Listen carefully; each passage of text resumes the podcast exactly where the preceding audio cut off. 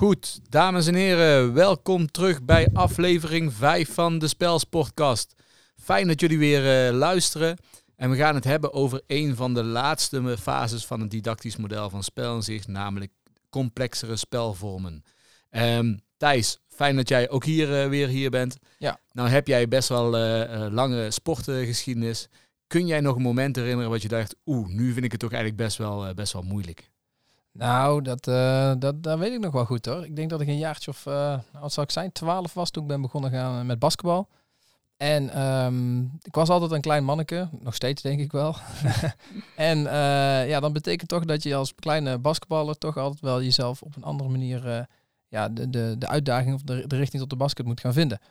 En in het begin speelde ik regel veel met, met leeftijdsgenootjes, zelfde lengte, niet zo grote verschillen. Maar ja, naarmate je ging richting junioren ging en zelfs op wat later leeftijd ook met de heren meespeelde, ja, dan zie je toch wel dat het voor mij complexer werd. Uh, werd meer onder druk gezet door mijn tegenstander. Um, ik had minder de tijd om de bal af te spelen.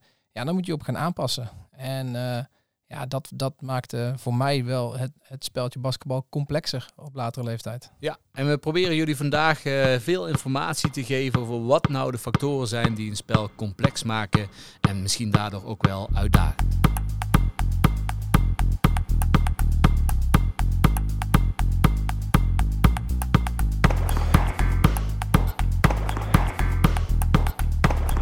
Welkom terug. Spelcomplexiteit. Het is een mooi woord. Ik denk als je dat woord bij Galgje invult, dat je sowieso uh, uh, wint. Um, maar complexiteit. We hebben natuurlijk veel verschillende spelfamilies. En nou, namelijk vier. En die spelfamilies die zou je ook in complexiteit in kunnen delen. Ehm, mixspelen als minst complexe, terugslagspelen, inblijven en uitmaakspelen en daarna doelspelen. Thijs, waarom zijn uh, mixspelen, waarom is dat eigenlijk een, uh, de minst complexe spelfamilie volgens jou? Nou, ik denk dat het hem voornamelijk te maken heeft met je, met je tegenstander. En of je wel of niet met die persoon in contact komt. En uh, bij een mixspel is de target kan een medespeler zijn of kan een tegenstander zijn, maar kan ook een pion zijn. Um, kan, of een dartboard. Of een dartboard, precies. Hè? Of je gaat curlen, kan een, een curlschijf zijn. Dus is er niet een directe tegenstander uh, waar jij ook onder druk bij komt te staan en waar je contact mee hebt. Ja, en dan is automatisch doelspelen uh, de meest complexe spelfamilie. Uh, en het heeft ook te maken met het feit dat je binnen een doelspel met z'n allen op hetzelfde veld staat. Dus de tegenstander kan jouw directe spel, als je aan de bal bent, ook of als je niet aan de bal bent, kan dat directe spel beïnvloeden. maar bij terugslagspelen is dat natuurlijk weer heel anders, toch?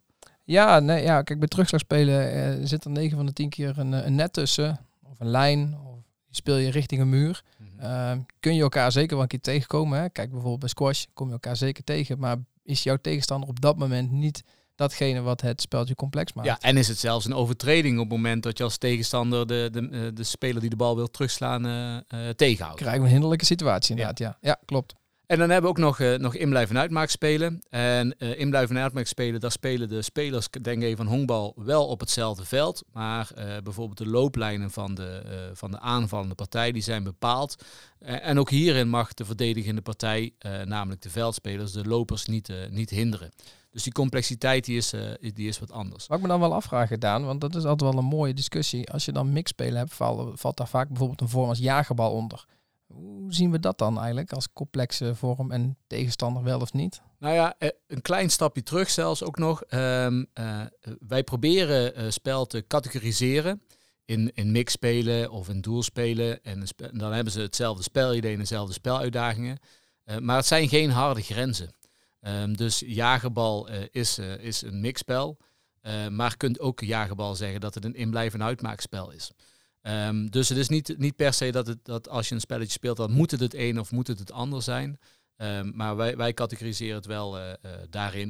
Um, en dan heb je dus wel invloed uh, op elkaar. Maar daarin is die invloed wel wat kleiner. Want stel dat ik de jager ben met de bal.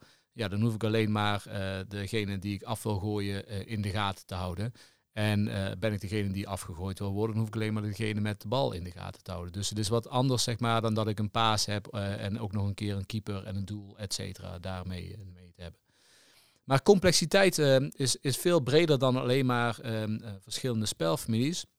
Want we willen jullie ook uit gaan leggen wat je nou zou kunnen doen om complexiteit op te bouwen voor jouw leerlingen. maar wat ook nou bijvoorbeeld technische complexiteit is en tactische complexiteit. En dan kunnen we bijvoorbeeld het voorbeeld gebruiken van, um, als we even kijken naar volleybal. Een terugslagspel volleybal. Wanneer vind jij volleybal, Thijs, technisch complex als je het zou geven op, in, op het voortgezet onderwijs? Ja, eh, volleybal kent natuurlijk zijn complexiteit in de verschillende technieken die erbij komen kijken. Hè. Dus op het moment dat ik een, bal bovenhands ga spelen, ja, daar komen best wel wat lichamelijke, uh, ja, motorische ehm, ja, kwaliteiten bij kijken die, om die bal over een net heen te krijgen. En op het moment natuurlijk dat het net omhoog gaat, je gaat meer naar een, naar een, een wedstrijdvorm toe, ja, dan wordt het nog veel moeilijker om daar die dingen, om die technieken goed toe te passen. Denk ook aan een onderhandse techniek of denk aan het serveren van de bal. Hè. We willen in het begin natuurlijk dat, dat je een, een, een, een opbouw krijgt, een rally krijgt. Nou, dat betekent dat je de bal eerst gaat gooien. Maar op een gegeven moment wil je wel ook die leerling die mee kan in het spel, ja, toch uh, uitdaging bieden. Ja, en, en volleybal is, is een technisch heel complexe spelvorm en uh, ook nog een technisch beperkende spelvorm. Want op het moment dat je de bal niet kunt spelen, dan is het een punt voor de tegenstander. Um, dus wat wij vaak zien in het onderwijs als er volleybal gegeven wordt, en we hebben het over complexere spelvorm, is dat er eigenlijk te complex gestart wordt, technisch te complex gestart wordt. Want als een kind nog niet in de gaten heeft hoe hij een bal kan spelen, ja, dan kan hij niet eens nadenken over waar hij hem gaat spelen. Um, dus uh, als je volleybal minder complex wil starten, dan moet je de techniek daarin beperken. En als je het dan tactisch complexer wil maken, ja, dan ga je dus van 2 tegen 2 naar 3 tegen 3. Eh, het veld wat groter. Um, nou, dat zijn zaken waarin je misschien zelfs wel afspraken waar je naartoe loopt nadat je de bal gespeeld hebt. Dat zijn processen die in het hoofd van de leerling spelen. Dat maakt het tactisch uh, wat complexer. Uh, maar volleybal is een technisch heel erg complexe, complexe sport. Um, en als we dan gaan kijken naar, uh, naar doelspelen. en um, je noemde een doelspel wat voor jou technisch complex is. Wat, wat voor doelspel zou er dan in jou, in jou opkomen? Nou, zelf was ik vroeger niet zo'n uh, zo'n held in voetballen. Uh, laten we eerlijk in zijn. Ik heb niet bewust uh, natuurlijk voor basketbal gekozen. Mm -hmm. Maar um, daar zou bijvoorbeeld bij mij al, en dat zie je vaak ook al in de lessen terugkomen, daar, daar zie je dat bijvoorbeeld technisch en tactisch toch wel wat van je gevraagd wordt. En helemaal op het moment dat er meerdere spelers in het veld komen, hè, je gaat naar 5 tegen 5 of je gaat zelfs 11 tegen 11 spelen als je moment daaraan zou willen wagen Um, ja, dan komen er veel meer spelers bij. Veel meer keuzes die je kunt maken. Veel meer afspeellijnen die je hebt. Uh, en als je dan ook niet de juiste techniek beheerst, ja, dan worden jouw keuzes veel beperkter in je spel. Ja, en Thijs die, die noemt, al, uh, noemt al een factor van spelers. Ik denk dat 11 tegen 11 overigens voor, hopelijk in het onderwijs een, een, utopie is van waar we naartoe gaan. Maar het, het is wel een voorbeeld van 11 tegen 11. Heel veel spelers, dus heel veel keuzes, dus tactisch complexer. Um, maar je kunt, uh, er zijn meerdere factoren die, uh, die een spel complex kunnen maken. Uh, bijvoorbeeld tijd vind ik altijd bij elke spelfamilie een hele essentiële factor. Um, terugslagspelen. Heb ik veel tijd om de bal te kunnen spelen, dan is het voor mij eenvoudiger dan als de bal heel erg snel gaat. Um, bij voetbal.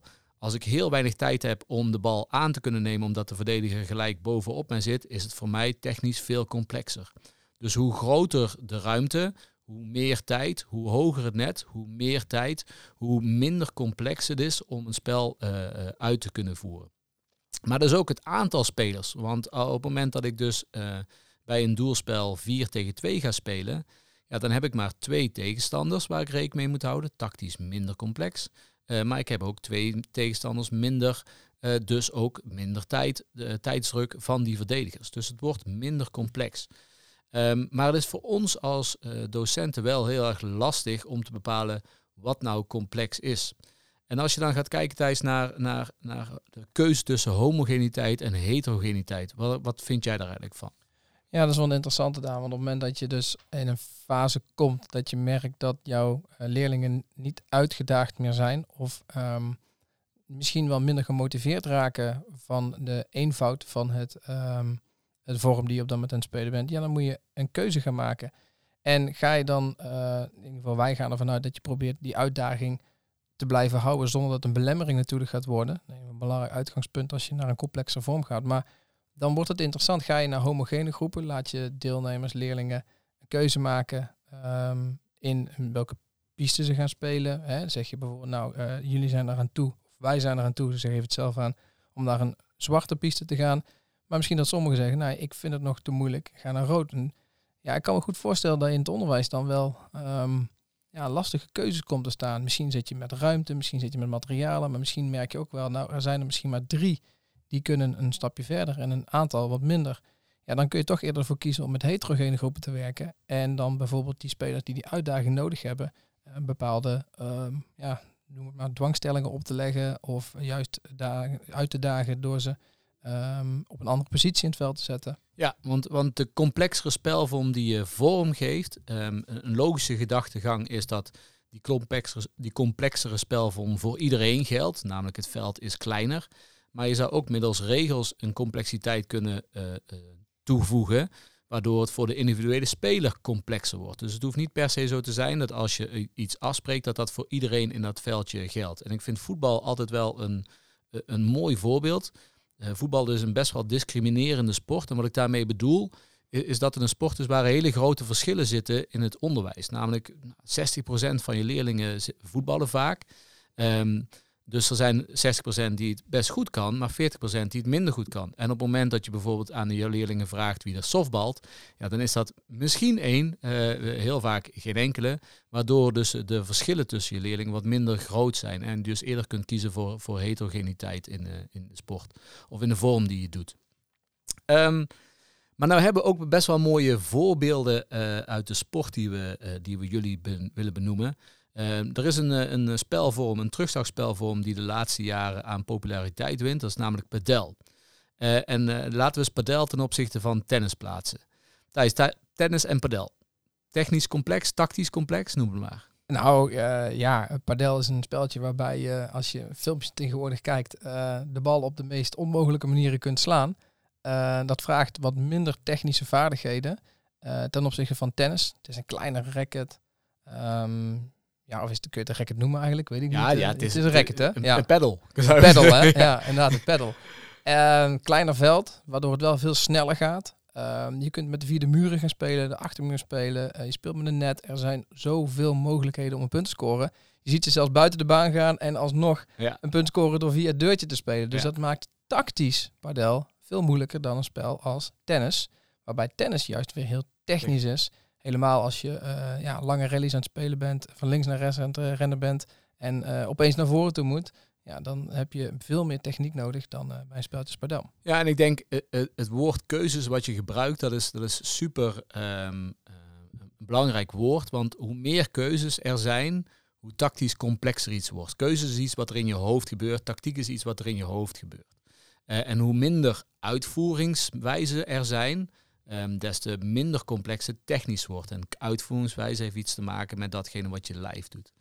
Um, nou hebben we padel benoemd vanuit de, vanuit de terugslagspelen. Uh, maar er zijn ook nog wel andere spelfamilies die innovatief bezig zijn. Bijvoorbeeld binnen de inblijven uitmaakspelen heb je tegenwoordig Baseball 5. En Baseball 5 moet je maar eens een keer opzoeken op YouTube. Dat is een, een vorm die eigenlijk binnen de urban sports vallen. en Baseball 5 is eigenlijk zowel tactisch als technisch minder complex om te spelen uh, met je leerlingen. Dus wil je een vorm gaan uh, zoeken of spelen om richting bijvoorbeeld softbal te gaan, in wat voor organisatie dan ook, dan zal Baseball 5 een minder complexe spelvorm uh, zijn.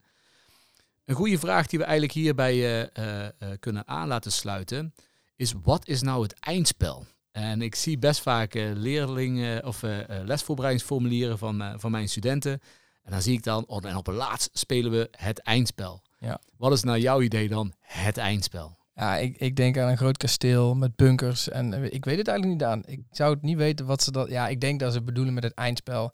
Wat je vaak van leerlingen hoort. Meneer, wanneer gaan we nou eens basketballen? Wanneer gaan we nou eens voetballen? Ja. Wanneer gaan we nou eens hockeyen? En het eindspel is natuurlijk nog vaak heel erg nog steeds traditioneel vanuit het idee dat je uh, de sport zoals je hem op de vereniging ziet, hè, gaat spelen. Dus 11 tegen 11 voetbal, 5 tegen 5 basketbal. Um, ja, dat is wat ze vaak nog 6 tegen 6 volleybal. Dat is vaak wat ze dan met het eindspel nog bedoelen. Maar ja, dan kom je weer met waar we het net al over hadden. Is ja, is iedereen al toe aan een eindspel? En de meest complexe vorm, zoals we hem kennen, met alle mogelijke keuzes die je moet maken, met alle technische beperkingen of juist uitdagingen die erbij komen kijken? Ja, ja, ik denk het eigenlijk zeker weten van niet. Uh, en ook vanuit onze visie waarin het kind centraal staat en daarna een bepaalde speluitdaging, uh, dan is dat leidend voor waar je eindspel in uit gaat komen. Dus de sport is een vergezicht waar we naartoe kunnen werken, uh, maar dus niet iets wat leidend moet zijn. En dat is een gedachtegang die we voorheen heel vaak hadden. Uh, 5 tegen 5 is waar ik naartoe, 5 tegen 5 basketbal is waar ik naartoe wil werken. Dus ga ik dit en dit en dit doen om dat te gaan bereiken. Um, maar uh, in jouw les zitten heel veel kinderen, waarschijnlijk een enkele basketballer. En op een vereniging, daar zitten alleen maar basketballers. En in jouw les zitten ook kinderen die niet, uh, die niet onder spelsporten zitten of op spelsporten zitten. dat is altijd een beetje discutabel wat dat nou is. In Brabant zal het wat anders zijn dan dat het in de rest van Nederland is. Um, maar de complexiteit van een vorm moet afhangen en dus ook de eindvorm die je wil gaan spelen moet afhangen van het niveau van je kinderen en niet van uh, uh, datgene wat de sport, uh, wat de sport vraagt. Um, maar dan hebben we ook nog eens een keer, ik heb, zie best wel vaak filmpjes voorbij komen van archery tag. Wat is, wat, is eigenlijk archery? Misschien het, de luisteraars dat filmpje nog niet hebben gezien. Ja, archery tag, je ziet het steeds vaker terugkomen in het onderwijs. Het is een, ja, mag je het ondertussen nog een trend noemen? misschien wel. Waarbij we dus met pijlenboog, ja, dat klinkt al heel heftig, nu, ja. op elkaar gaan schieten, dames en heren. Ja, we schieten op elkaar met pijlenboog. Het zijn overigens geen ijzeren punten die erop nee, zitten. Inderdaad, nee. Het zijn, het zijn uh, rubberen balletjes. Rubberen balletjes. En het idee er is inderdaad dat je een, een ja, noem het maar een soort trefbalvorm hebt. Waarbij uh, je kunt kiezen voor uh, twee vakken. Of free for all, we lopen allemaal door dezelfde ruimte heen. Um, het is eigenlijk afgeleid van het paintballen. Hè, wat natuurlijk in het onderwijs veel moeilijker is om te doen. Alhoewel, er zijn leuke vormen van paintball waar je gewoon met foamballen kunt werken. Maar uh, het idee erachter is dat je toch op een of andere manier een uitdagend uh, mixspel, dat is het eigenlijk wel, ja. uh, met elkaar aan het spelen bent. Ja. Kijk, en um, in eerste instantie is het soms heel gaaf voor leerlingen. Ze zetten zo'n masker op, ze krijgen een pijl en boog. maar als je kijkt naar de complexiteit van archery tag, dan, dan is er echt wel beleving. Want je rent rond, je, je kunt overal eigenlijk misschien wel geraakt worden. Maar qua mikken is het super complex. Want stel je maar eens voor uh, dat je al rennend een pijl op een boog moet doen. Uh, dan nog iemand moet zoeken die je, die je raak wil schieten. Maar ook nog eens een keer andere pijlen moet uh, ontwijken. Ja, dan is Archery Tag als mixspel misschien wel te complex. En wat je ook wel ziet, is dat, dat leerlingen het gaaf vinden om een keer te doen. Maar dat de beleving van het spel uh, uh, omlaag gaat uh, naarmate de leerlingen ervaren dat ze minder vaak raak aan het schieten zijn. Of dat ze eigenlijk die pijl niet eens op die boog gespannen krijgen. Ja, de meeste leerlingen hebben natuurlijk het idee van de Hunger Games in hun hoofd zitten. Maar natuurlijk, dat is een film en in de werkelijkheid blijkt vaak wat tegen te vallen. Ja, en, en, en er zitten natuurlijk ook geen, geen edits bij hè, die, we, die we mooi kunnen doen. Nee, nee, inderdaad. Nee, nee. Dus het is een, een, een hele leuke vorm van mixspelen. Maar ja, je ziet toch al vaak dat het naarmate je verder gaat spelen uh, de uitdaging een stuk minder wordt. Omdat dat doel, dat object, ja, dat beweegt. En vaak is het per ongeluk dat je iemand raakt, dan dat je ook daadwerkelijk echt bewust iemand raakt. Uh. Ja. Hey, we hebben nu uh, jullie best wel wat, wat informatie gegeven over complexiteit van, van spelonderwijs. En um, ik realiseer me ook wel dat we jullie geen uh, kant-en-klaar antwoord kunnen geven. Uh, want welke leerlingen jij hebt en wat de visie is van jouw school om ergens toe te komen, dat zorgt ervoor wat de complexiteit van het spel dat je doet. Maar wat we wel heel erg belangrijk vinden, is dat je dus gaat kijken naar wat die leerlingen kunnen. En vanuit basis daarvan uh, bepalen hoe complex je de eindvorm, hoe je het dan ook wil noemen, zeg maar, of eindspel, hoe complex je die kunt, kunt maken. We willen jullie uh, heel erg uh, graag uh, bedanken voor het luisteren naar, naar deze aflevering 5 alweer. We zijn bijna aan het einde van het seizoen gekomen. We hebben nog speciale gasten bij de volgende uitzending voor jullie. En we bedanken jullie weer voor het luisteren. Doei doei. Dankjewel. Doei doei.